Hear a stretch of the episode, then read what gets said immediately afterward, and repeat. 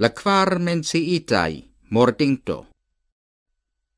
Sidarto ege deprimigis cae cor suferis post ciam li revenis alla palazzo vidinte la malsanulon.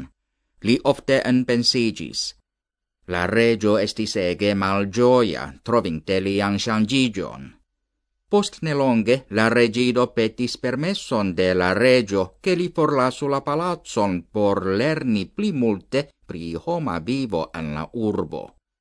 La regio consentis, char li bone sciis, che lia malpermesso al portos nenian bonon alla regido ci foie denove en nobelai vestagioi, Sidarto cae Ciano pieriris el la palazzo, cae visitis multaen partoen de Capilavasto.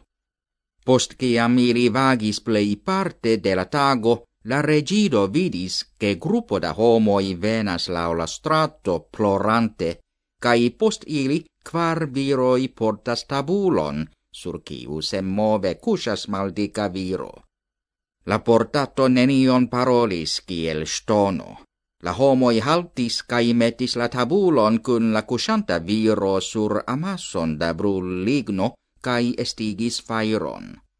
La viro restis senmova, kiam la flamo englutis la tabulon kai tui poste lin de ciui flancoi. Kio estas tio, Ciano? demandis Sidarto. Cial tiu viro cusas ties em mova, lasante sin forbruligi? Shainas che listius nenion. Li mortis, respondis Ciano. Mortis, Ciano, ciu ciui homoi mortos? Yes, mia cara regido, ciui vivantoi mortos iutage. Neniu povas cesigi la alvenon de morto, respondis Ciano. La regido estis tiel teruligita, che li diris nenion plu. Li opinis tion ege terura, che la afero nomata morto venos al ciui homoi, ec al regioi cae reginoi. Ciu ne estas metodo por cesigi tion? Li revenis heimen silenta. Li recte iris al sia propra chambro en la palazzo, cae sidis en profunda meditado, dum la resta tempo de la tago. Li pensis mal gioie. Iam ciu en la mondo devas morti, neniu eu trovis metodon por cesigi tion.